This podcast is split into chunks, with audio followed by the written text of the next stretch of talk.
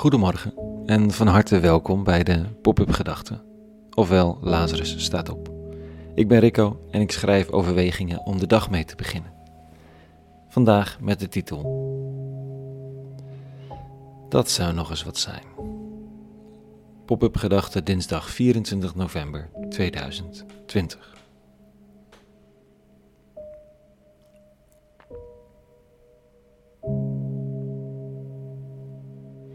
De mijmerende vraag in het donker van deze dinsdagochtend is deze. Wie nu eigenlijk de touwtjes in handen heeft.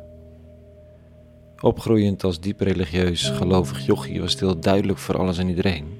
God regeert de wereld. Niets valt uit zijn hand. Vertrouw. Dan word je wat ouder en ga je de krant lezen en lijkt het er nou niet per se op dat de bron van al het goede het zachte, het liefhebbende, de touwtjes in handen heeft. De manieren waarop mensen blijken om te gaan met macht, medemensen, natuur, is regelmatig om over te huilen.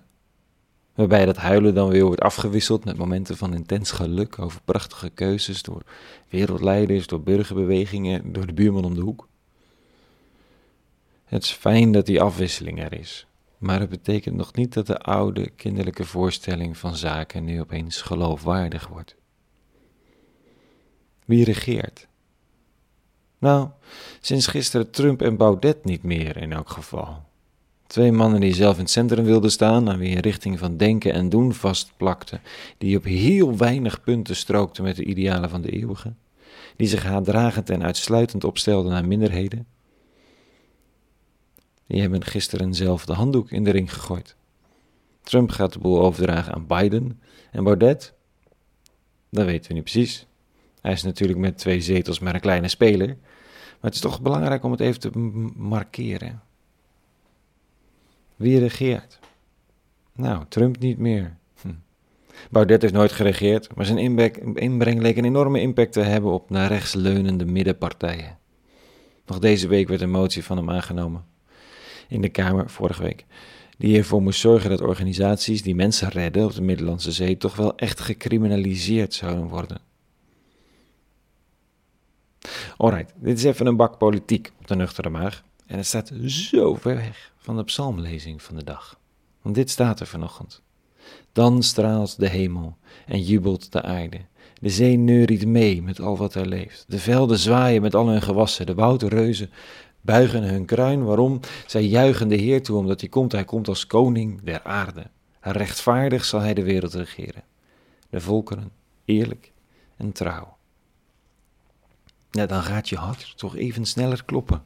In elk geval de mijne. Dat de aarde juicht, de oude bomen, de, die, die, die oude klimaattijgers van de wereld. Want zij brengen al zo lang zuurstof op aarde. Dat zij juichen omdat er een rechtvaardig leider de touwtjes in handen neemt.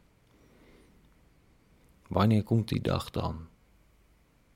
Of is die al gebeurd? dat is nogal een theologisch debat.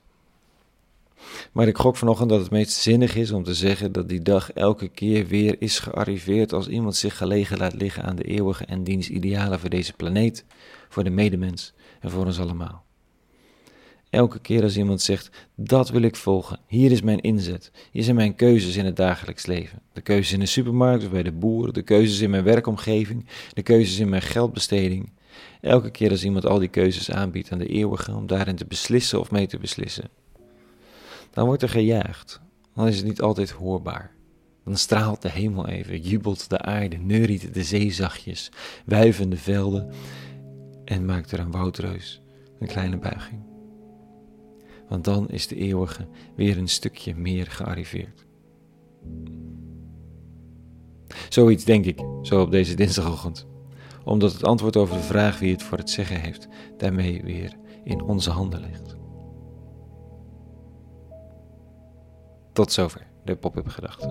Een hele goede dinsdag gewenst en vrede en alle goeds.